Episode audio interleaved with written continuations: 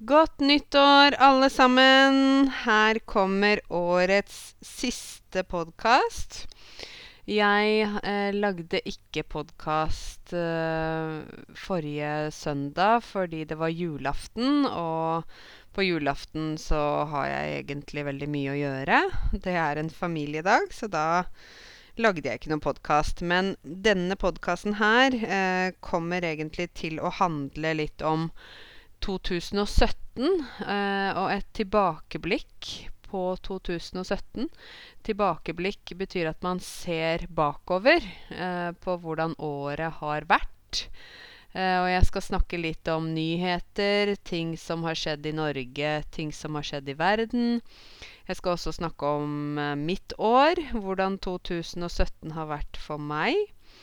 Eh, og så kan jo du kanskje også tenke litt over hvordan 2017 har vært for deg. Det er alltid fint å reflektere litt over hva man har opplevd i løpet av et år. Eh, for årene går fort, men hvert år er jo egentlig forskjellig. Så um, jeg tenkte først jeg skulle begynne å fortelle litt om uh, året mitt. Uh, hvordan det har vært for meg. Uh, jeg syns at 2017 egentlig har vært et veldig fint år. Um, det begynte egentlig sånn for meg i forhold til undervisning og sånn, så begynte det med at jeg i vinter, jeg tror det var i februar, så lagde jeg noen videoer på YouTube. Um, Egentlig var det fordi jeg ville lage videoer til mine studenter som jeg har på nettet. Eh, fordi jeg har i veldig mange år fått de samme spørsmålene når det gjelder grammatikk og eh, ordstilling og rettskriving og ja, de samme spørsmålene om norsk, da, og norsk språk. Så jeg tenkte nei, nå vil jeg bare lage noen videoer som jeg kan vise til de som spør disse typiske spørsmålene. Slik at uh, de kan få se den forklaringen når de har tid. Uh, og så slipper jeg også å si de samme tingene 100 millioner ganger. Fordi man blir jo litt sånn uh, Hvis man har sagt det samme veldig mange ganger, så blir i hvert fall jeg litt lei. Eh, så det begynte det med. Og så lagde jeg noen videoer på engelsk. Um, men så, og så postet jeg da disse videoene rundt på grupper på Facebook, uh, egentlig. Og fikk ganske raskt tilbakemelding om at folk ønsket egentlig å få videoer på norsk. Og så tenkte jeg hm, ja, kanskje det er bedre at jeg lager det på norsk, for jeg har jo jobbet lenge med norskopplæring, så jeg tror at jeg er ganske flink til å forklare ting, da. Uh, og at jeg kan snakke sakte og tydelig i, i disse videoene. Så da begynte jeg å lage videoer uh, både på norsk og engelsk. Men så fant jeg ut at det ble litt mye jobb, så jeg bare byttet egentlig bare over til norsk. Så nå er det um, over 250 videoer som jeg har laget på norsk, som ligger ute på YouTube. Um, så jeg må jo si at 2017 for meg har vært et ganske produktivt år. Um, jeg har uh, gjort mye forskjellig. Uh, dette med YouTube har jo vært veldig gøy, og jeg syns det er veldig gøy at, uh, at folk liker videoene. Det er jo egentlig bare veldig enkle videoer som ikke er laget i noe studio eller noe sånn profesjonelt, men jeg velger å tro at jeg er profesjonell når jeg forklarer ting, da. Slik at uh, uansett om videoene ikke er så profesjonelle, så er forklaringen min profesjonell. Slik at uh, dere som ser på videoen, uh, får en forklaring fra en lærer, ikke fra en amatør. for jeg tror det er det som kanskje er noe av grunnen til at disse videoene har blitt populære, fordi um, de er på en måte rett på sak, da. Jeg forteller sånn konkret hva Kanskje hva folk trenger å vite. Og så har jeg jobbet med norsk i mange år, så jeg er, eh, jeg er faktisk flink til å forklare. Det skal jeg si. Her i Norge så er det jo sånn noe som heter janteloven. Og janteloven det ble jo skrevet av en uh, norsk uh, forfatter som het Aksel Sandemose. Uh, og janteloven er noe som mange av oss nordmenn lever etter daglig, dessverre. Det er egentlig et dikt som sier at du skal ikke tro at du er bedre enn oss. Du skal ikke tro at du kan noe mer enn oss. Eh, altså Egentlig handler det om at du skal ikke skryte av deg selv, eller du skal ikke tro at du er noe mer enn andre. Og det er jo egentlig veldig trist, da. Um, men mange nordmenn er sånn. Vil aldri uh, si 'Å, jeg er flink til det', eller 'jeg kan gjøre det'. Dere har kanskje hørt at en del nordmenn er litt sånn sjenerte. Hvis du sier noe fint til dem, så sier de 'Å, ja, ja, ja, ja, ja takk, jo, ja, ja'. Mm. Eh, eller hvis du sier f.eks.: 'Å, det var eh, så fin kjole du har.' Hvis du sier det da til en dame, så sier hun 'Ja, nei, men den er litt gammel, du vet, ja'. Eller hvis du sier til noen 'Å, du er så flink til å skrive'. Ja, nei, nei, jeg, jeg, jeg har ikke så veldig mye bra å komme med, da. Ikke sant? Um, men jeg skal være anti anti-jantelov, og så skal jeg si at jeg er faktisk flink til å forklare når det gjelder norsk og norsk grammatikk. så det er egentlig litt unorsk å si at man er flink. Mange nordmenn klarer ikke det. Men jeg må bli flinkere til det. Um, og egentlig bør vi alle sammen lære litt mer av det her i Norge. Vi bør bli flinkere til å gi oss selv litt ros. Ros betyr da ikke rose som blomsten, men å gi ros, det betyr å si noe fint, da. Så vi bør lære å gi oss selv ros. Og jeg håper at du gir deg selv ros for det du er flink til, og det du klarer, og det du får til, for det er veldig viktig for selvtilliten, f.eks. Selvtillit betyr at man har tro på seg selv, da. At man tenker at man er noe, at man kan gjøre noe, at man er flink til noe. Det er viktig.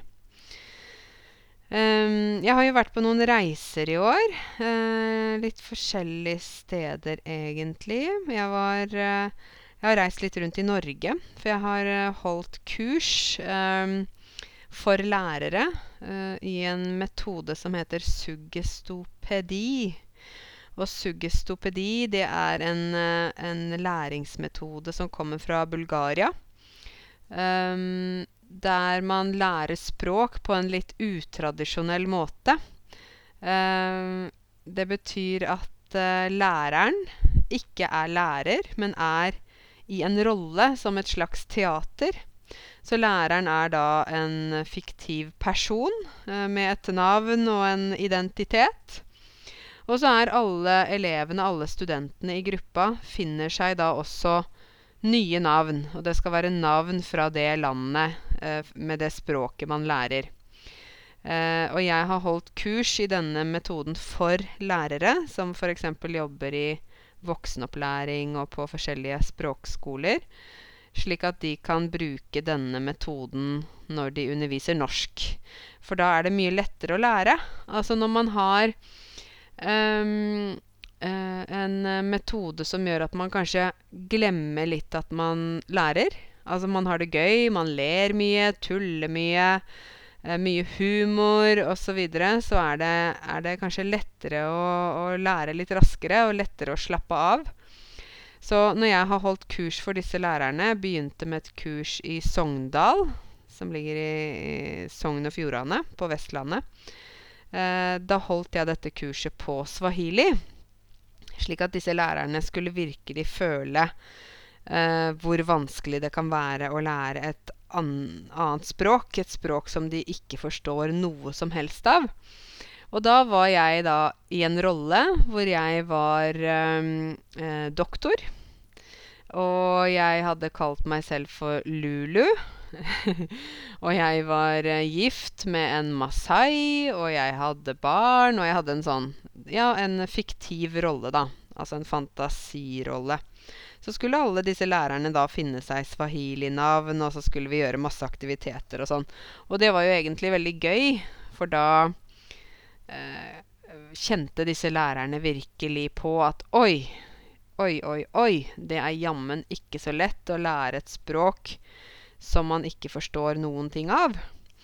Og det tenker jeg at en del lærere rundt om på norskopplæring ofte glemmer. Altså de snakker for fort. De um, forklarer ikke tydelig nok. Uh, de tenker at uh, studentene forstår alt og går veldig fort frem. Eh, og jeg tror det er veldig viktig at man stopper opp litt noen ganger, og så prøver å eh, faktisk tenke litt etter at Oi, kanskje ikke alle forstår det som jeg sa nå. Kanskje ikke alle vet hvem denne forfatteren er, eller forstår dette kulturelle ordet, eller Ja. Så jeg tror det er veldig nyttig at man stopper opp litt og tar litt eh, pause, rett og slett. Eh, og sjekker, da, at alle har forstått det som har blitt forklart. Og dere skulle alle sammen dere skulle, Vi sier på norsk at dere skulle vært flue på veggen. flue, det er et lite insekt som flyr. Liten, svart flue. Uh, og vi sier det å være flue på veggen, det betyr at man ser noe, men de andre ser ikke at du ser. Som et bitte lite kamera. For når disse lærerne var på kurset mitt, og jeg bare snakket swahili til de, så satt de med store øyne, og munnen var åpen. Og de så helt sjokkert ut. og da tenkte jeg OK, her får de en um, oppvåkningsopplevelse, altså wake up call. så skjønner de kanskje at de må justere seg litt, da. Så det syns jeg har vært veldig gøy. Jeg har hatt flere sånne kurs i, i løpet av året. Og skal holde flere kurs uh, etter nyttår. Uh, og da er det lærere fra hele Norge som kommer på disse kursene. Og så, uh, ja, så underviser jeg de på swahili. Og de får se hvordan den metoden er. Så det er veldig gøy. Um, i sommer så var jeg en tur i Libanon og besøkte venner der. Eh, Libanon er jo et veldig eh, spennende land eh, med veldig gammel kultur.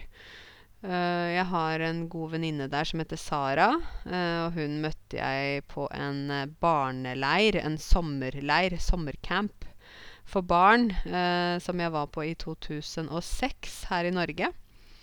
Um, da var det en sånn internasjonal barneleir hvor det var barn fra tolv land. Eh, fire barn fra hvert land, så jeg hadde med meg to jenter og to gutter. Eh, de var elleve år. Jeg var 21 år eh, i 2006. Eh, og da, det var liksom grensen for å kunne være leder, da. Man måtte være minimum 21 år. Så jeg var der. Eh, og så var det mange andre eh, barn fra elleve andre land med ledere. Så hadde vi masse aktiviteter, og vi hadde eh, forskjellige leker. Vi hadde sang og dans og alt mulig sånt. Eh, og barna lærte å bli kjent med hverandre. De lærte å respektere hverandre uansett eh, hva slags bakgrunn de kommer fra. De eh, ble veldig gode venner. De lærte språk. Det var veldig fint. Og vi bodde jo sammen en måned um, her i Norge på denne leiren. Og da ble jeg kjent med Sara, og vi ble gode venner. Så i 2009 var første gang jeg besøkte henne igjen i, uh, i Libanon. Og så jeg, har jeg vært tilbake flere ganger og besøkt Sara. Og nå var jeg eh, i Libanon i sommer, og da gjorde jeg masse forskjellig. Jeg var på uh, et arabisk bryllup. Det var jo veldig fint å se. Uh, veldig mange gjester. Og fest og dans hele natta. Uh, kjempegøy å se. Og så var jeg med Sara på stranda, for de har jo mange strender der i Libanon. Men strendene er da ikke offentlige. Um, fordi hvis man går på en offentlig strand, så kan det være litt farlig. Og dessuten så er det ikke ryddet der, det er ikke så rent. Så man må gå på en privat strand. Det er litt rart for meg, for her i Norge så sier vi at uh, naturen er for alle. Og vi har noe som vi kaller for allemannsretten. Og allemannsretten betyr egentlig at um, alle har lov til å være i naturen. Alle har lov til å gå tur i skogen osv. Alle har lov til å ta med seg telt og sove ute i, i hvert fall to netter ute i skogen. Så dette med private strender, det er litt rart for meg. Men i Libanon så er det sånn. Og når man da kommer inn på disse private strendene, så er det får man et håndkle, man får solkrem, eh, man får solseng. Det er veldig sånn luksus, da. Um, og for meg som nordmann så syns jeg det der med luksus egentlig er litt rart. Altså Her i Norge så er jo de fleste er ganske like. Vi er ikke så veldig glad i sånne klasseforskjeller med at jeg har mer penger enn deg, og jeg er rikere enn deg, og jeg har finere bil enn deg, osv. Uh, vi liker at det er litt mer likt. Mens i mange andre land, inkludert Libanon, eh, kanskje ditt land også, jeg vet ikke, så er det mm, rett og slett eh, veldig store forskjeller mellom fattig og rik. Ikke sant? Så når jeg var på disse luksusstrendene, så tenkte jeg liksom ja, her er det bare en liten prosentandel som er. Og de andre, de er eh, De kan aldri komme inn på disse luksusresorts, luksusstrender. De har, de har ikke mulighet til det. Men i hvert fall, jeg var der på stranda, og så spiste jeg deilig libanesisk mat. Um, kanskje noen av dere som hører på nå, er arabiske og kjenner den type mat. Men jeg spiste tabule, spiste wara einab, spiste hummus, spiste uh, Hva heter alt dette her? Batata harra. Spiste halloumi, labne. Um, Zatar. Eh, spiste manaish. Og eh, spiste også um, kosa. Og så spiste jeg selvfølgelig dessert, sånn baklava. Uh, og mye annet forskjellig. Mye is er det jo der. Er, altså, libanesisk mat er fantastisk deilig. Uh, de bruker mye olivenolje, mye oliven, forskjellige oster, masse grønnsaker. Det er masse smak i maten, men uh, det er ikke så sterk mat. Så det passer egentlig meg veldig godt, for uh, jeg er ikke så glad i veldig sterk mat. Det syns jeg er litt vanskelig å spise mat som har mye chili, f.eks. Det har jeg prøvd å venne meg til. F.eks. da jeg bodde på Zanzibar, prøvde jeg å bli vant til det, men jeg har aldri klart å bli vant til sterk mat. Så jeg kan ikke ha så veldig krydret mat, da. Bare litt. um, etter jeg hadde vært uh, i Libanon, så kom jeg hjem, og da var jeg egentlig veldig brun og fornøyd og glad. Og så hadde jeg litt sånn norsk sommer også. Jeg syns at norsk sommer egentlig kan være veldig fantastisk, fordi det er uh, frisk luft. Det er ikke for varmt. Uh, nettene er lyse og lange. Uh, det er lett å treffes i byen, lett å møtes for å ta en drink f.eks., eller noe sånt. Så det er veldig sånn veldig fint. Man trenger jo ikke å reise fra sommeren i Norge, egentlig. For det er jo faktisk den varmeste tiden vi har. Um, så jeg syns det er veldig fint hvis man kan reise på høsten eller på vinteren også for å få litt sol, istedenfor å være her i Norge hele vinteren. Da kan det bli veldig vanskelig. Man kan bli litt sånn sliten og tung i, til sinns. Altså litt Ikke deprimert, men litt sånn åh, sliten. Um, og så uh, begynte jeg i ny jobb. Jeg sluttet i min forrige jobb. Jeg jobbet før i Lillestrøm. Uh, så jeg begynte i ny jobb um, og jobber nå på en voksenopplæring. Uh, jeg sier ikke hvor jeg jobber, for jeg vil ikke at alle skal komme løpende dit. Uh, men jeg jobber på en voksenopplæring, og jeg jobber med elever som ikke har lært det latinske alfabetet.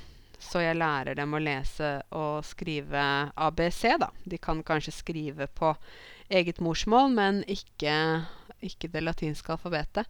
Så det er jo egentlig en veldig spennende jobb, og veldig hyggelig jobb, eh, som jeg har da i tillegg til nettskolen som jeg har. Og mm, jeg har jo fått veldig mange elever på nettskolen min i løpet av året, og det er jo veldig gøy. Jeg har jo elever som er, bor over hele Norge. Da mener jeg fra Finnmark i nord og helt til eh, Stavanger og Kristiansand i sør. Og så har jeg en del elever som bor i andre land også. Eh, jeg har eh, elever i Vietnam, Spania, Portugal, USA, Canada, Brasil, Kina, um, Thailand, Marokko, Italia, Russland, Polen Ja, så jeg har eh, studenter som bor i alle mulige land. Og jeg syns det er så gøy å kunne være i kontakt med folk fra så mange land hver dag. Jeg føler meg veldig heldig som har muligheten til å snakke med så mange forskjellige mennesker. Um, for jeg tror egentlig det at um, for å bli Hva skal jeg si For å bli klokere på livet, da. Uh, det å være klok er ikke det samme som å være smart. For å være klok betyr at du du, er, du vet mye av erfaring. Vi sier jo ofte at gamle mennesker er kloke. Men uh, uh, jeg føler at jeg blir klokere og klokere jo flere folk jeg snakker med. I tillegg så føler jeg også at oi, det er så mye jeg ikke vet. Det er så mange ting jeg ikke forstår. Så det er egentlig litt sånn blandede følelser. Men jeg er veldig glad for at jeg får snakke med folk fra, fra hele verden hele tiden, da. For det gjør jo at eh, jeg i hvert fall får sånn førstehåndserfaringer eh, eller førstehåndsinformasjon direkte fra mennesker som kommer fra disse landene. Så det, det er veldig gøy. Jeg føler meg veldig heldig som har den muligheten. Um, og det kan jo godt hende det er sånn for dere at dere har venner fra forskjellige land. Uh, det blir jo ofte sånn når man bor i Norge. Uh, for nordmenn er ikke så veldig sosiale. Og da er det veldig lett at de som kommer fra forskjellige land, eh, blir venner. Fordi de ønsker seg venner, og fordi da begge parter ønsker å være mer sosiale, så blir man venner. Um, men jeg håper jo at noen av dere har funnet noen norske venner òg, fordi det er jo en verdi faktisk å ha norske venner. Å kunne snakke med folk som kommer fra Norge, da. Eh, ikke bare lese om folk som kommer fra Norge. For det er jo en annen sak, ikke sant. Det er jo på en måte to forskjellige ting. Så Men jeg tenker at verden Det snakker jeg jo egentlig ganske ofte om, men jeg tenker at verden ikke er eh, altså delt opp. Det er vi som har delt opp verden. Så det der med landegrenser og land og kart og flagg og alt det der, det er på en måte Det er jo bare menneskeskapt, da. Det er jo egentlig ikke sånn. Så jeg syns det er veldig fint hvis man kan ha et um, internasjonalt samfunn, da. Et uh, globalt samfunn. Uh, jeg husker godt da jeg studerte i Canada, i Vancouver. Så var det liksom Jeg kunne ikke si 'den personen er kanadisk', eller 'den' eller 'den', fordi det var så veldig stor blanding av folk. Uh, og jeg kunne ikke jeg kunne ikke bestemme liksom hvem som var kanadisk, for alle var jo egentlig innvandrere, bortsett fra de um, native canadians, altså de som hadde bodd der i mange hundrevis av år, kanskje tusenvis av år, disse indianerne. Uh, og ellers så var det folk fra ikke sant, Asia, over hele Asia, over hele Europa, over hele Amerika. Uh, det var stor blanding, da.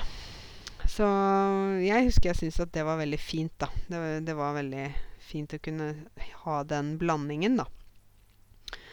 Um, jeg vil jo si at uh, jeg syns for meg at året 2017 har vært veldig spennende. Det har vært fylt av reiser. Jeg har jo også snakket før om reisa mi til Zanzibar, så det skal jeg ikke snakke om igjen. Men fylt av reiser, fylt av uh, gode opplevelser med venner. Um, hyggelige stunder.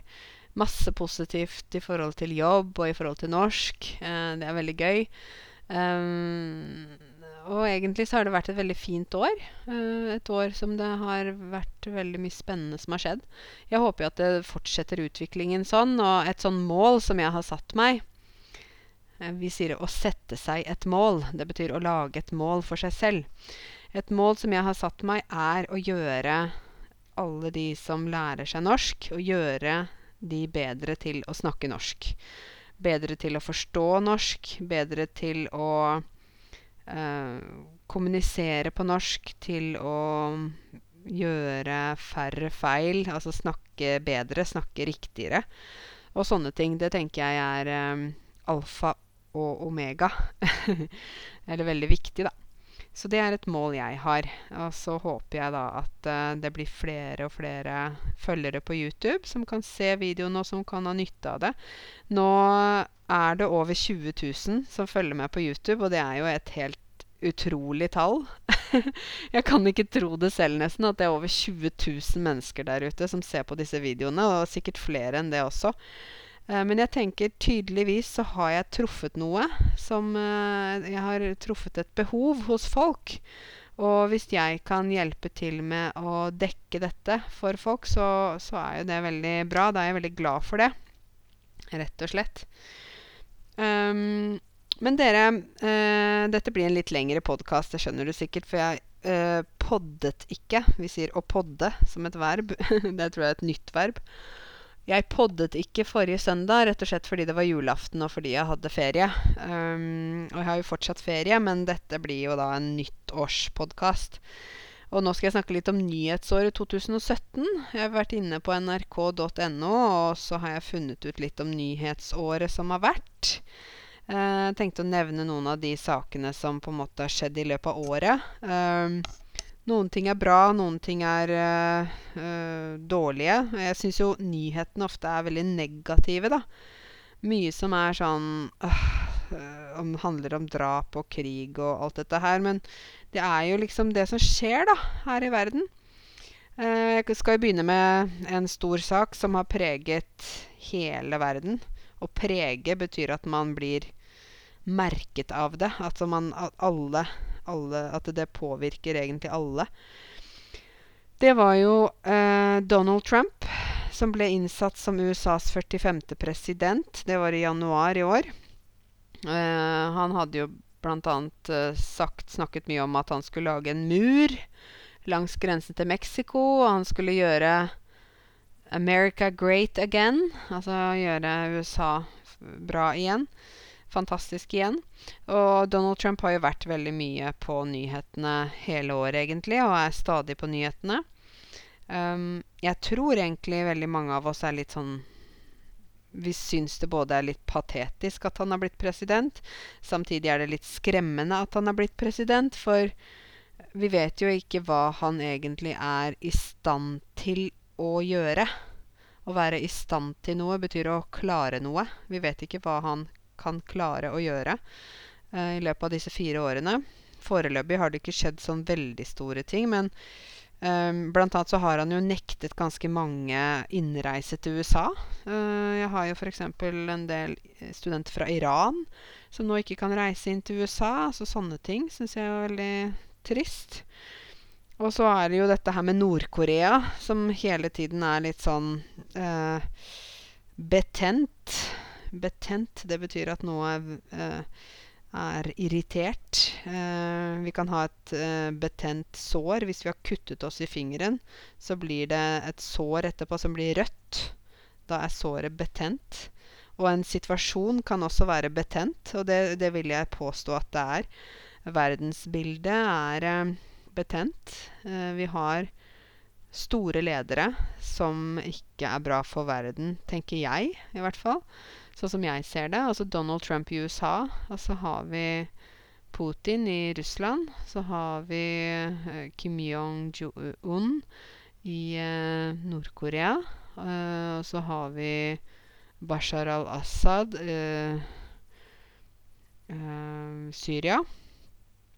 Og så har vi Ja, vi har vel flere ledere rundt omkring som ikke kanskje egner seg til å være ledere. Og alle disse sammen da utgjør jo kanskje en trussel for verdensfreden, da, tenker jeg. At man har så mange ledere som er ganske ekstreme og ikke klarer å være diplomatiske. Jeg tenker det å være diplomatisk er kanskje den viktigste rollen man har når man leder et land. Og i hvert fall når man leder et, en verdensmakt, da, som f.eks. USA, eh, Russland, Kina, sånne type land. Så jeg, jeg håper at Donald Trump bare egentlig har store ord, men at han ikke klarer å gjøre så mye av det han da har snakket om, da.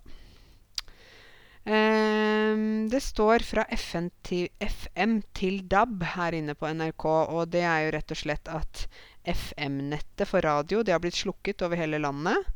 Og nå må vi da, uh, hvis vi skal høre på radio nå, så må vi da høre på DAB. Uh, og det er vel noe som skal være bedre, da. At man skal få inn flere kanaler osv. på radio. Uh, selv så har jeg ikke installert DAB i bilen min ennå. Men jeg kjenner at det er litt irriterende når jeg kjører bil. Og så kan jeg ikke høre på vanlig radio fordi det rett og slett ikke er noen kanaler på FM-nettet. Så jeg tror at etter hvert så får jeg installere sånn DAB-system på bilen min. Men uh, jeg syns det er litt kjedelig også. Uh, godt at ikke dette her uh, DAB og FM påvirker podkast. Podkast går jo på noe annet. Um, det var i, um, I år også så var det ble det innvilget at homofile kan gifte seg i kirken. Uh, og da var det et eh, par som hadde da vært forlovet i 16 år. Eh, og de hadde vært sammen i 36 år, og de fikk endelig gifte seg i kirken. Det var to menn som var litt eldre, da. Eh, for kirken har jo vært ganske konservativ i forhold til vielse av homofile, men nå har de åpnet opp for det. Så nå er det jo det lov her i Norge også. Uh, homofile har jo Både homofile og lesbiske har ikke alltid hatt det så lett her i Norge heller. Uh, det er ikke så lenge siden det var faktisk helt forbudt å si at man var homofil. Da ble det sett på som en sykdom. Det var på 70-tallet, så nå er liksom situasjonen annerledes, men det er fortsatt en lang vei å gå i forhold til et samfunn som kanskje respekterer og aksepterer alle, da. Jeg tenker at uh, hvis man bor i Norge um, Jeg vet jo at mange har meninger om det med å være homofil osv., men hvis man bor i Norge uh, og ønsker å fungere her, så tror jeg det viktigste dere gjør det er å respektere folk for den de er. Om de er homofile, om de er lesbiske, om de er heterofile. Om det er mann eller kvinne, om du er mørk i huden eller lys i huden, om du er kristen eller muslim eller ateist, om du er høyt utdannet eller lavt utdannet. Altså det å respektere alle mennesker. Du trenger ikke å uh, like alle mennesker, men det å respektere hverandre og kunne leve side om side uten å trakassere, uten å uh, slenge stygge kommentarer og være uh, frekk. det tror jeg er noe av det viktigste her i Norge. Hvis du ikke klarer det, hvis ikke du klarer å akseptere at folk er forskjellige, og folk får lov til å leve fritt her i Norge, uh, da kan du ikke klare deg bra her. Det er jeg ganske sikker på. Hvis man skal gå rundt her i Norge og være rasistisk, hvis man skal gå rundt og hate de som er annerledes enn seg selv, eller de som ikke har samme religion, eller de som er, ja, har en annen seksuell legning, f.eks., som er homofile, eller noe sånt Hvis man ikke klarer å respektere at folk er forskjellige, da, da tror jeg man vil få det veldig vanskelig her i Norge. For Uh, vårt land er bygget på respekt, ærlighet, tillit, oppriktighet. Uh, gjensidig respekt fra begge parter. Og det tror jeg er kjempeviktig her. Jeg har sett så mange som ikke klarer å, å akseptere at folk er forskjellige. At folk uh, er annerledes fra dem selv, da. Og, og, jeg har sett også at de, de ikke klarer seg her. Det går ikke. Og det er jeg veldig opptatt av. Jeg er veldig opptatt av at, at, man skal respektere alle mennesker. For hvis man ikke klarer det, så har man jo mye å jobbe med med seg selv, da. Man trenger jo ikke elske alle, men man må, må kunne respektere folk, da. Det syns jeg er veldig viktig. Uh, det funker ikke hvis du ikke, hvis du ikke klarer det. Da, da, må man heller bo et annet sted, tror jeg faktisk. Mm. Um, vi har jo en utrolig mann her i Norge. um, jeg ler, men jeg ler egentlig ikke, for det jo, handler jo om Anders Behring Breivik, uh, som er uh, vår store terrorist, ikke sant, som 22. juli 2011, var det ikke det, da? Jo. drepte veldig mange folk, på, både på Utøya og i sentrum av Oslo. dette var jo da Arbeiderpartiungdom, blant annet. Han sitter jo nå inne eh, på 21 år, men han kommer til å sitte inne hele livet. Jeg vet jo mange lurer på ja, men sitter han bare inne 21 år? Skal han ikke sitte inne lenger? Vel, jo, han skal det fordi når 21 år har gått, så skal de prøve han sånn mentalt, og da kommer de til å komme frem til at nei, han må, må sitte lengre, fordi han er ikke trygg. I tillegg så vil det jo være sånn at hvis han kommer ut i samfunnet, så vil han ikke bli eh, akseptert og respektert av, av folket, da. Og han, jeg tror han veldig fort vil bli drept også. Um, men han saksøkte den norske staten i år for soningsforholdene i Skien fengsel. Han sa det at nei, jeg kan ikke sitte i dette fengselet. Det bryter mot uh, FNs menneskerettigheter. Uh, jeg kan ikke være her. Det går ikke an. Jeg har det helt forferdelig her. Det er bare de, de, gjør alt som er dårlig mot meg. Jeg får ikke nok plass, jeg får ikke nok luft, og jeg får ikke nok lys. Jeg har dårlig mat, osv. Så, videre. så han saksøkte staten. Det er jo ganske spesielt. Eh, men han tapte. Han tapte hele saken. Men han ønsker da å eh, å sende dette videre til Strasbourg, altså menneskerettighetsdomstolen i Strasbourg i Frankrike. Så jeg vet ikke hva som kommer til å skje. Men eh, jeg syns det er helt utrolig at det går an. Eh, men så er det jo dette her da med at vi lever i et demokrati hvor alle har like rettigheter uansett. Og da kan ikke vi si at nei, fordi han er Anders Behring Breivik, så kan ikke han saksøke staten. Han har faktisk rett til å gjøre det. Og det er der jeg vet at mange ler av Norge og sier herregud, det går ikke an. Saksøke staten når du selv har drept nesten 80 mennesker. Vel, sånn fungerer demokratiet, da. Uh, han, han, vant jo ikke saken, men han, han, gjorde, han brukte sin rett, og det vil han nok gjøre for alt det er verdt. Han vil bruke sin rett til å prøve å komme ut i mediene, prøve å være synlig, sånn at folk kan se han. Um, men, uh, men, dere trenger ikke bekymre dere. Han kommer ikke til å komme ut. Han kan ikke komme ut pga. det han har gjort, pga. Uh, hans mentale tilstand. Uh, så er han ikke en person som kommer tilbake til samfunnet. Det er helt sikkert. Så ja. Uh, det var jo i år så Det er jo sånn nå at det er mye forurensing, ikke sant? I havet og på land osv. Men det er veldig mye forurensing i havet. Forurensing er da søppel, eller det er eksos fra biler, eller eksos fra Eller noe sånn utslipp fra fabrikker osv. Men det ble faktisk funnet en hval. En hval, det er jo en, ikke en fisk, men det er en kjempe, kjempestor Uh, de ser ut som en hval. Uh, nei, ser ut som en fisk, men det er ikke en fisk. Um, whale, sier man på engelsk. Uh, funnet en veldig stor hval utenfor Sotra i Hordaland.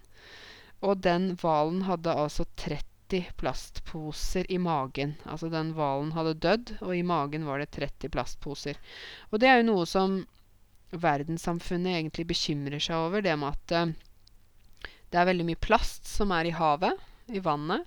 Fugler dør, fisker dør øh, fordi de svelger denne plasten og får det inn i magen, og det kommer ikke ut igjen. Ikke sant? Og, og hvis det er sånn at det er så mye plastikk i vannet, øh, og det dreper fisker og fugler og andre øh, dyr, så har vi et problem. Fordi dette kommer til, da til å påvirke økosystemene, ikke sant? Uh, så dette med forurensing, det bør verden ta tak i. Norge er ganske god på det, syns jeg. Vi er flinke til å sortere uh, ikke sant? organisk avfall, papp, plastikk, hermetikk, glass osv. Vi er ganske bevisste på dette med søppel. Um, vi, uh, vi, prøver å ta vare på miljøet. Jeg vet jo mange som kommer hit sier det er så rent! Det er så rent i Norge. Det er ikke noe søppel på gata. Det er fantastisk. Og ja, det er fantastisk, uh, men vi har jobbet med dette veldig lenge. Vi har eh, faktisk I veldig mange år så har staten jobbet med å prøve å endre holdningene til folket. Altså prøve å hjelpe folk til å bli litt mer bevisst på hvordan vi behandler naturen, da. Og jeg syns at vi er ganske flinke på det her. Men det betyr ikke at vi er perfekte, selvfølgelig. Men i andre land så er det mm, ganske mange som uh, bare kaster plastikk eh, på bakken, eller kaster søppel i vannet osv. Og, så og dette kommer da tilbake til oss i form av at uh, f.eks. dyr dør, eller det blir forsøpling, da. Og det er jo uh, et kjempestort problem. Én uh, ting er hva vi gjør her i lille Norge, men en annen ting er hva store industrinasjoner gjør, f.eks. Bare se på noen land som f.eks. slipper ut masse giftige stoffer direkte ut i elver og ut i havet, rett fra fabrikken. Og så kommer det da ut i vannet, og så kommer det da inn i dyr som spiser det, og så Ja, så er vi i gang. Så det er uh, Ja, hvis dere kan, så prøv å ta vare på miljøet der dere er, der dere bor. Uh, I løpet av året så har det jo Her kommer en sånn litt sånn alvorlig nyhet, men det var jo et slag om Mosul. Uh, Mosul er da en by inne i Irak, hvor eh, det var veldig mange soldater, bl.a. Uh, solda kurdiske soldater, persmerga-soldater, som kjempet om å eh, vinne over denne byen Mosul i Irak. Um, og de prøvde da å jage ut IS-krigere, uh, som hadde egentlig okkupert hele byen. Og det var veldig mange sivile som ble tvunget på flukt. De måtte flykte fra byen. Eh, og i dette slaget så var det da nesten 3000 personer som ble drept når de prøvde å fri, uh, frigjøre, frigjøre um, Mosul. Men til slutt så klarte de å ta over Eh, rett og slett uh, denne byen, da. Uh, og IS, uh, den islamske stat, eller Daesh, som dere som snakker arabisk og sånn, kjenner Daesh um, Dere vet jo at dette er jo en ekstrem islamistisk gruppe som kanskje er veldig langt fra det islam egentlig er. De har jo på en måte lagd sin egen greie og mener at de skal ta over verden, og de skal lage et kalifat, og de skal bestemme over hele verden osv. Men så er det jo sånn at hele verdenssamfunnet har øynene på dem, så de kan jo ikke bare okkupere som de vil. Uh, men de har jo gjort veldig mye skade, og det er jo mange skrekkhistorier. Skrekkhistorier betyr veldig dårlige historier. Som har blitt uh, vist for hvordan uh, For hva som skjer, og hva som har skjedd inni disse byene. Og jeg syns det er helt forferdelig. Uh, jeg syns det er veldig sånn ekkelt når jeg ser noen sånne videoer eller noe sånt fra IS. De har dette svarte flagget, og de uh, kommer i sånne karavaner med mange biler og flagget sitt. Og ah, jeg syns det er skikkelig ekkelt, rett og slett. Uh, så jeg er veldig glad for at, at man prøver å bekjempe de. Og bekjempe betyr å ta over kontrollen, rett og slett. Man prøver å bekjempe. Men det jeg syns var litt feil her, eh, med dette med Mosul eh, Og det gjelder også egentlig eh, Raqqa i Syria. Det er det at eh, persmerga-soldater, altså kurdiske soldater, som er veldig flinke krigere, egentlig, eh, tøffe krigere, modige De har ikke fått den internasjonale anerkjennelsen, eller eh, den internasjonale positive bekreftelsen for hva de faktisk har gjort. De, det er jo de som har gått inn og kjempet i disse byene. Og de burde få all mulig uh, liksom tillit og skryt og sånn av, uh, av uh, verdenssamfunnet. Men jeg syns ikke at de har fått nok oppmerksomhet, da.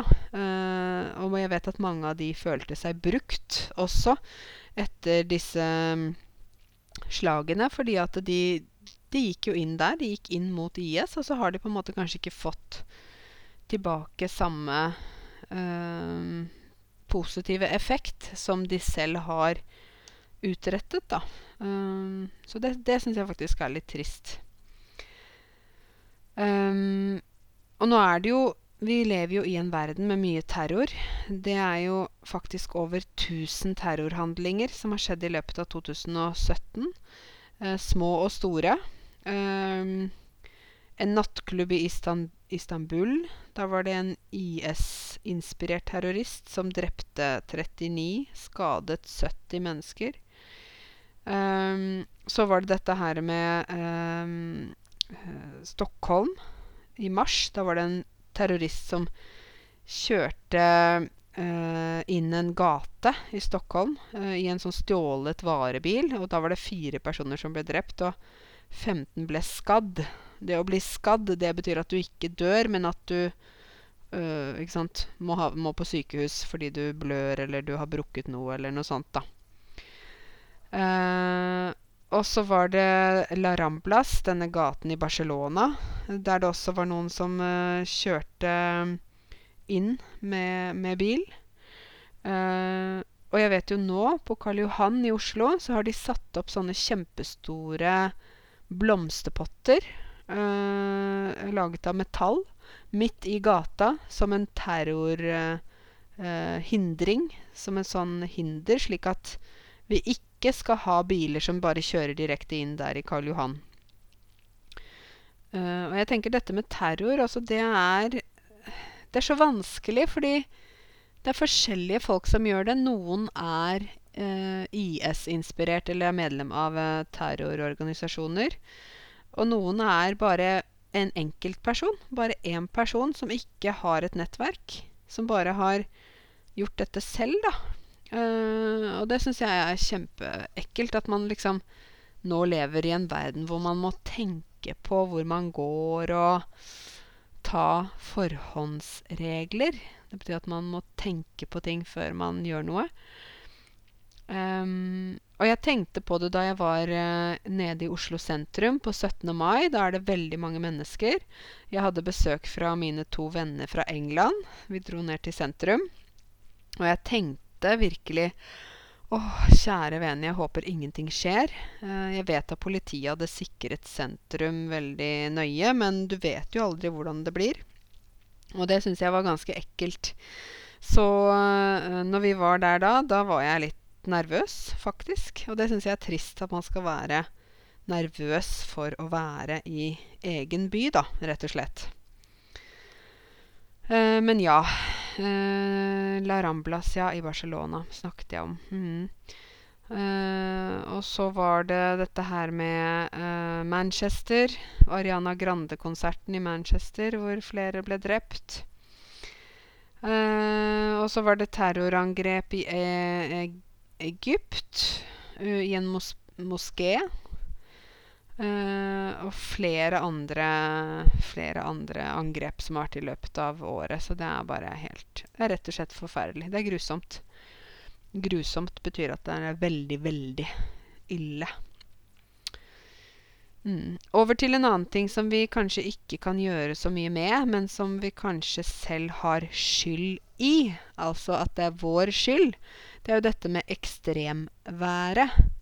Ikke sant? På grunn av forurensning, på grunn av at vi ikke kanskje er så flinke til å ta vare på miljøet, så får vi også flere naturkatastrofer, ekstrem vær, ekstrem regn, flom uh, Ikke sant? Og så videre. Så det har jo vært uh, uh, veldig mye sånn ekstremvær i sommer. Ylva har jeg jo snakket om, som var en sånn ekstrem vær eller storm som kom til Nord-Norge. Så har det vært flom på Sørlandet. Det betyr at uh, det kommer masse vann på veiene osv. Og, og det er jo stadig både flom og regn og jordskjelv og jeg vet ikke hva. Vulkanutbrudd. det er mange sånne ting rundt omkring i verden. Uh, egentlig mer enn hva det har vært før, da. Og jeg husker da jeg um, vokste opp, så var det alltid kaldt i november, desember, januar, februar. Det var vinter, det var snø. Det var alltid hvit vinter. Men nå så vet man ikke. Skal det være hvit vinter, eller kommer det til å regne i desember, eller hva? Det er veldig usikkert. Uh, så det er noe som har forandret seg, da. Uh, I USA så var det jo også denne orkanen som het Harvey som lagde veldig store oversvømmelser, eller flom, ikke sant? Eh, og det var jo noe som eh, påvirka veldig mange. De prøvde å flykte og komme seg unna, sånn at de kunne eh, faktisk eh, slippe å ja, eh, bli stengt inne i husene sine, eller noe sånt. Eh, og det er jo da også ekstremvær, ikke sant? Um, dere, vi har et kongepar. Kongen og dronningen de eh, feiret 80 år i år. De hadde bursdag. de er jo like gamle. Og de hadde faktisk eh, eh, bursdag rundt om i landet. De hadde forskjellige feiringer. Jeg må si at de fleste av oss er veldig glad i vår konge og dronning. Eh, ja, de får penger fra staten. Eh, de pengene kaller vi for apanasje. Ja, de får apanasje, men de er samtidig veldig gode representanter for vårt land. De er diplomatiske. De er kloke. De eh, vet mye, har sett mye, eh, kjenner Norge godt. Eh, og jeg vil jo si kongen og dronningen er rollemodeller for oss som er yngre. Eh, det er noen som virkelig har lært mye i livet, og som kan uh, vise sin klokhet overfor andre. Jeg uh, er veldig glad for at vi har den kongen og dronningen vi har. Jeg vet at noen kanskje mener at vi ikke skal ha monarki, at vi skal heller ha republikk. Men jeg tenker sånn som de fungerer for oss, og fordi de er så gode personer, så er jeg veldig glad for at vi har monarki. Um, så de ble feiret hele året. Uh, og de fylte begge 80 år i februar. Og tenk på det. De er 80 år og 100 uh, til stede. 100% fokuserte på landet vårt. De har ikke sagt nei, nå er vi slitne og gamle, vi vil ikke være mer konge og dronning. Nei, de fortsetter jobben sin. Og kongen kommer til å være konge helt til han dør. Eh, og når han dør eh, Vi håper det blir lenge til, men da tar hans sønn eh, Håkon, kronprins Håkon, over som konge. Da er det det som skjer. Det er sånn det er i arverekken, i kongerekken, da. Rett og slett. Mm. Um, jeg vet ikke om dere har fulgt med på dette med Eirik Jensen, som fikk 21 år i fengsel. Eirik Jensen er da en tidligere politimann som faktisk har drevet grov korrup korrupsjon. Grov korrupsjon betyr veldig, veldig sterk korrupsjon. Uh, og han har uh, uh, hjulpet en mann som heter Gjermund Cappelen, i å smugle spesielt hasj og andre narkotiske stoffer inn i landet. og fordi han da var en politimann som hadde misbrukt sin rolle, så ble han da eh, dømt til 21 års fengsel. Det betyr at han kan slippe ut tidligere enn 21 år. Uh, men, men, han har faktisk 21 år som han skal sitte i fengsel. Hvis han oppfører seg bra, ikke gjør noe dumt i fengsel, er rolig osv., så, videre, så kan han slippe ut på um, to tredjedel av tiden. Um, men det kommer helt an på hvordan han kommer til å være da, i, i fengsel, rett og slett. Men det er ganske ille når en politimann misbruker sin eh, posisjon til å um, smugle inn narkotika da, inn i landet. Det syns jeg er veldig ille, egentlig. Uh, Leppekremskandalen, står det her. Jeg vet ikke om dere kjenner til Therese Johaug, som er en av våre beste skiløpere. Hun, eh, hun ble utestengt i 18 måneder fra å drive med eh, konkurranse pga. at hun hadde brukt en spesiell krem for leppene. Hun hadde fått solbrent solbrente lepper. Så hadde brukt en krem som inneholdt et dopingstoff som heter Klosterbol. Og Klosterbol, det står på en liste over dopingstoffer. Eh, så hun fikk ikke lov til å eh, være med i eh, disse her eh, eh, konkurransene og OL. Hun får ikke lov til å være med i OL heller. Så hun, eh, hun ble utestengt, rett og slett. Hun prøvde å ta dette opp i den internasjonale ja, disse dopingforbundene, men hun fikk faktisk utestengelse i ett og et halvt år. Av en krem. Så det var jo veldig sånn stor diskusjon rundt det, da. Eh, men eh, hun er i hvert fall utestengt. Hun er en av våre beste skiløpere. Det er hun. Brexit, dere. Dere har vel også fått med dere dette med brexit, om at eh, Storbritannia ønsket da å trekke seg ut av EU.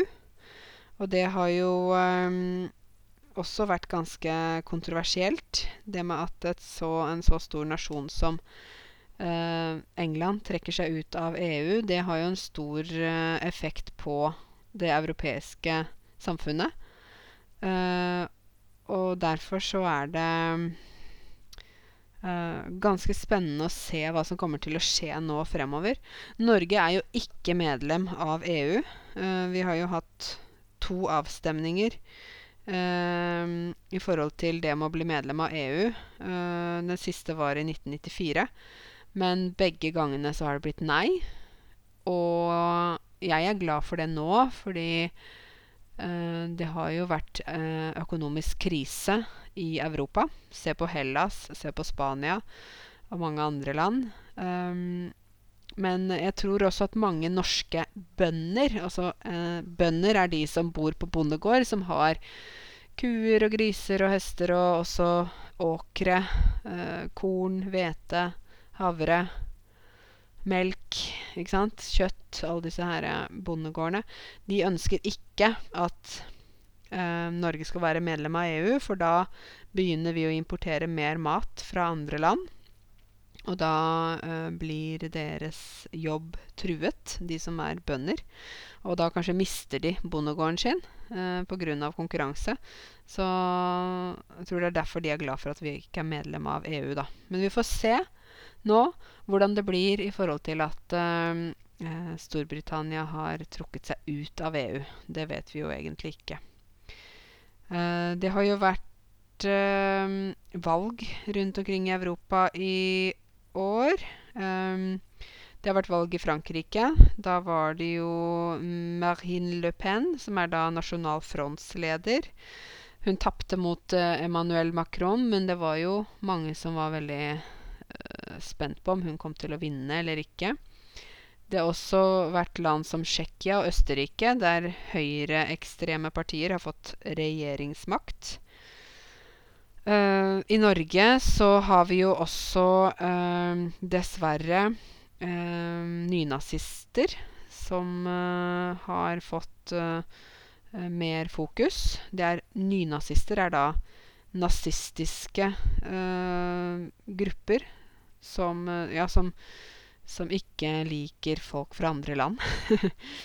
og i Kristiansand i sommer så var det en marsj av en sånn gruppe som heter, jeg tror det heter Nasjonal Front, eller jeg husker ikke navnet på det eh, partiet. Jeg vil heller ikke huske det, men eh, de var i hvert fall kom til Kristiansand. Og politiet ble koblet inn, og de ble jaget ut av Kristiansand. Men jeg syns det er skremmende at slike eh, miljøer eh, blir større.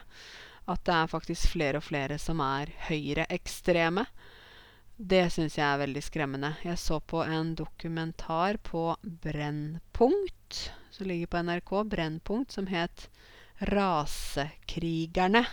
Og det handler om nettopp disse nynazistene som er da i Skandinavia. Um, jeg syns det er veldig skremmende. Uh, vi hadde jo også politisk valg her i Norge i, uh, i, høst, og Høyre vant valget igjen. Og de skal sitte fire nye år sammen med Frp. Til slutt nå så har også Venstre gått inn i regjering med Høyre og Frp. Men vi vet jo ikke hvordan dette her kommer til å bli, da. Hvordan uh, det blir. Men jeg tror ikke det blir så veldig stor forandring, egentlig. Jeg tror det kommer til å bli mye som egentlig blir det samme, da. Um, men det er en tendens i samfunnet med at det er mer høyre ekstrem eh, radikalisme rundt omkring i Europa. Uh, og det syns jeg er skremmende. Det er jeg ikke så veldig glad for, egentlig. Um, det står her på NRK at det har vært dødsbranner, og det har det vært i 2017. Uh, Grenfell Tower i London tok livet av 71 mennesker. Jeg vet ikke om dere så det, men det var et helt boligkompleks som begynte å brenne. Det er ganske ille. Uh, I tillegg så har det vært skogbranner i Portugal. Det har vært veldig, veldig tørt. Uh, tørt betyr at det ikke er nok vann i jorda. Og så er det 61 mennesker der som døde i Portugal, så det er veldig, veldig trist, egentlig. og dette med, med skogbrannen er jo veldig risikabelt, for hvis det f.eks. begynner å brenne et lite sted, og det er tørt, altså at det ikke har regnet på lenge, så kan jo hele skogen brenne opp.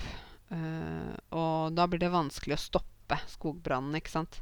Vi har jo det noen ganger i Norge også, men ikke like ille som i veldig varme land, da. Da er det jo veldig lett at det blir skogbrann. Um, Skam.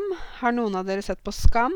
Uh, Siste episode ble sendt i juni. Skam har jo blitt veldig sånn kjent rundt omkring, i, ikke bare i Norge, men også i andre land. Uh, og jeg tror noe av grunnen til at Skam ble så populært, var rett og slett det med at de tok opp uh, ting som uh, kanskje er kjent for oss alle. Vi har jo alle vært ungdommer. og noen av dere har kanskje barn som er ungdommer også. Det er noen sånn problemer som man har da når man er 16-17 år, ikke sant.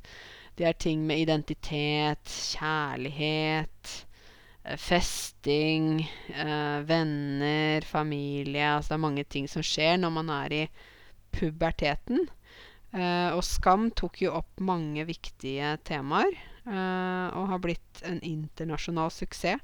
Og jeg tror at det er veldig viktig at man faktisk har programmer og filmer som tar tak i eh, vanskelige temaer, eh, slik at man kan få det opp som en diskusjon i samfunnet, da. At ting ikke skal være tabu, eller at det skal være hemmelig, eller noe sånt. At man faktisk kan snakke om ting høyt, da. Det tror jeg er veldig, veldig viktig, slik at man kan prøve å lære å, å forstå bedre, da, rett og slett. Um, mm. Dere, en ting som det står om her, som har jo vært en debatt, og det er kanskje Ja, det har vært en debatt eh, ikke bare i år, men i mange år. Dette er dette med ulvejakten. Skal man drepe ulven, eller skal man ikke? Hva mener du? Eh, for vi har jo ulver i Norge, og ulvene de eh, angriper sauer som står ute. Eh, men så sier mange da at nei, men man skal ha ulver i naturen, fordi de er jo ville dyr. Og så sier de som har sauer, ja, men de dreper sauene våre. Så det har vært en debatt mellom de som vil at vi skal drepe ulvene, og de som ikke vil at vi skal drepe ulvene. Jeg vet ikke hvor du står i den debatten, og hva du mener, men personlig så mener jeg at man ikke skal drepe ulvene fordi de det er bra å ha ulver i naturen, da. De er jo der for en grunn. En del av økosystemet. En del av næringskjeden. Uh, I Sverige er det jo veldig mange ulver, og der har de ikke samme fokus. Uh, så jeg tenker at de som heller har sauer, kanskje heller må finne en måte å uh, gjerde inn sauene sine. Altså ha sauene inne, eller ha et sånn Beskytte sauene bedre, da, slik at Eh, de ikke blir drept av ulven, da. Slik at ulven ikke kan komme inn. Men jeg Ja, jeg vet ikke. Det er um, en evig debatt. En annen debatt uh, Egentlig ikke debatt, men det er vel fokus da har jo vært dette med rohingya-folket. Rohingya-muslimer som har flyktet fra Myanmar, eller Burma. Uh, der de har drevet med rett og slett med etnisk rensing. Uh, de vil ikke ha muslimer i Myanmar. Uh, og har drevet de ut til Bangladesh. Brent ned landsbyer. Uh, gjort masse forskjellige fæle ting. Og det syns jeg er veldig Jeg syns det er veldig forferdelig, egentlig, dette her med at det stadig er folk på flukt. Det vil det alltid være. Um, jeg har jo sett mange filmer om dette med flyktninger og sånt, og jeg jobber jo også med flyktninger hver dag, så jeg vet jo mye om det. Men jeg tror mennesker alltid har vært på flukt. Eh, dessverre er det for mange på flukt hele tiden, og nå er det flere enn noensinne, kanskje.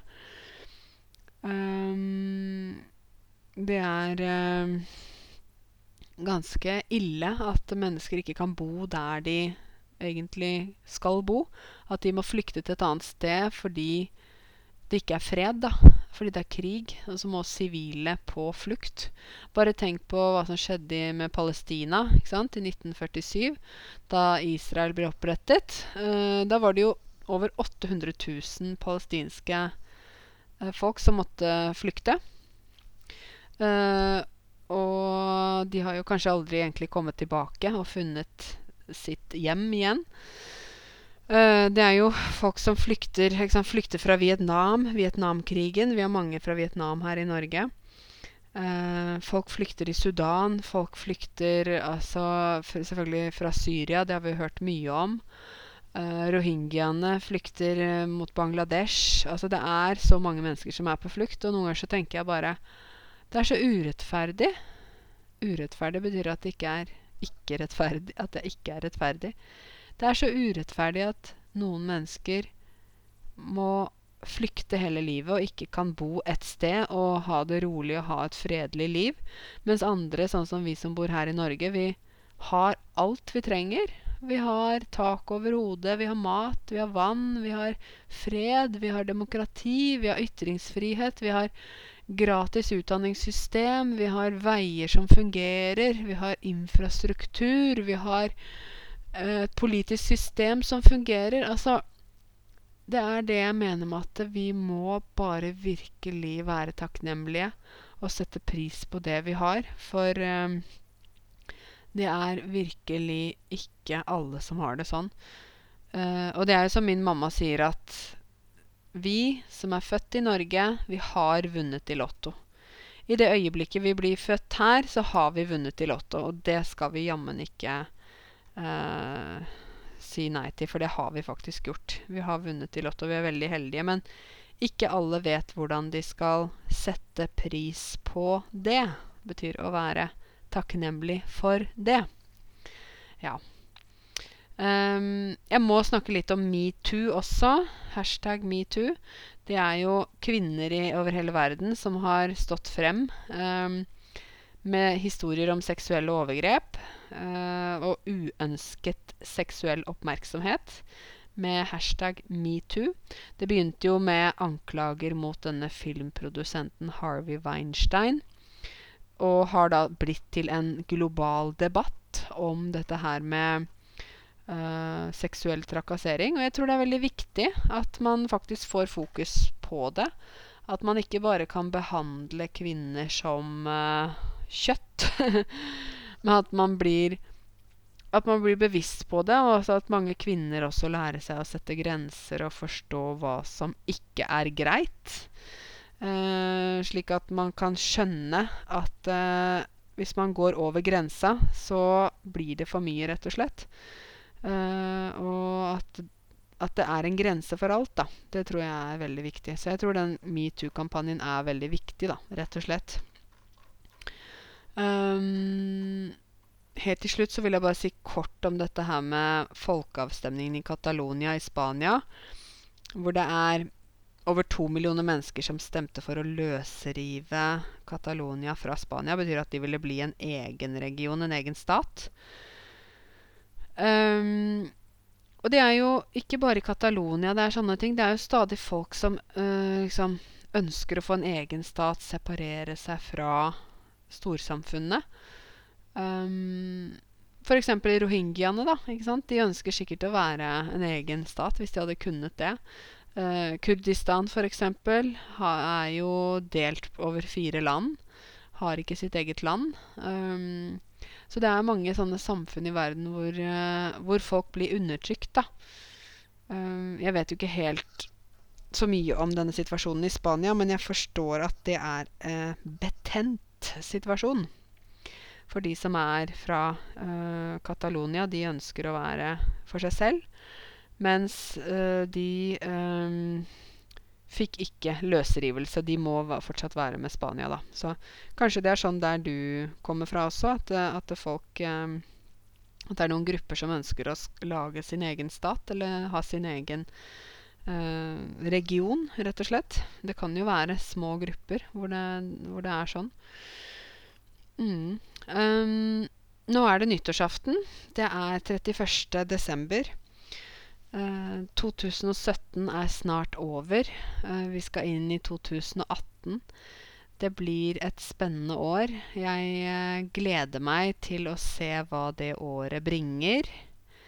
Jeg gleder meg til å møte nye folk. Fortsette med arbeidet mitt i forhold til norsk. Jeg gleder meg til å høre fra mange av dere. Um, gleder meg til å se hva som kommer til å skje i løpet av 2018. Jeg håper det blir et like fint år som 2017. Um, jeg er optimistisk. Jeg uh, gleder meg til å gå inn i det nye året. Jeg håper at du også gleder deg, og at du ser positivt på at det kommer et nytt år. I kveld skal jeg på fest med mine venner. Først skal vi ut og spise i Oslo, for vi orket ikke lage middag. vi ville bare komme til dekket bord og bare spise. Og så skal vi ha fest etterpå, rett og slett. Så jeg gleder meg til å feste. Nå er det Uh, sånn at vi kommer til å uh, se på Fyrverkeriet, som er nede på Aker Brygge. Det er det store fyrverkeriet som Oslo kommune skyter opp. Og så kommer vi til å ha stjerneskudd, som er da sånne som vi tenner på, så bare står vi og vifter med det. Det er så, ikke raketter, men det er sånne små uh, med lys, da, som vi tenner på. Eh, så skal vi feste og danse og ha det gøy gjennom hele natta. Så jeg gleder meg masse til nyttårsfest. Jeg håper du også skal feire at det blir et nytt år. Og jeg ønsker deg alt det godt for det nye året, og jeg håper det blir et fantastisk år. Vi sier på norsk 'godt nytt år'. Godt nyttår til alle sammen.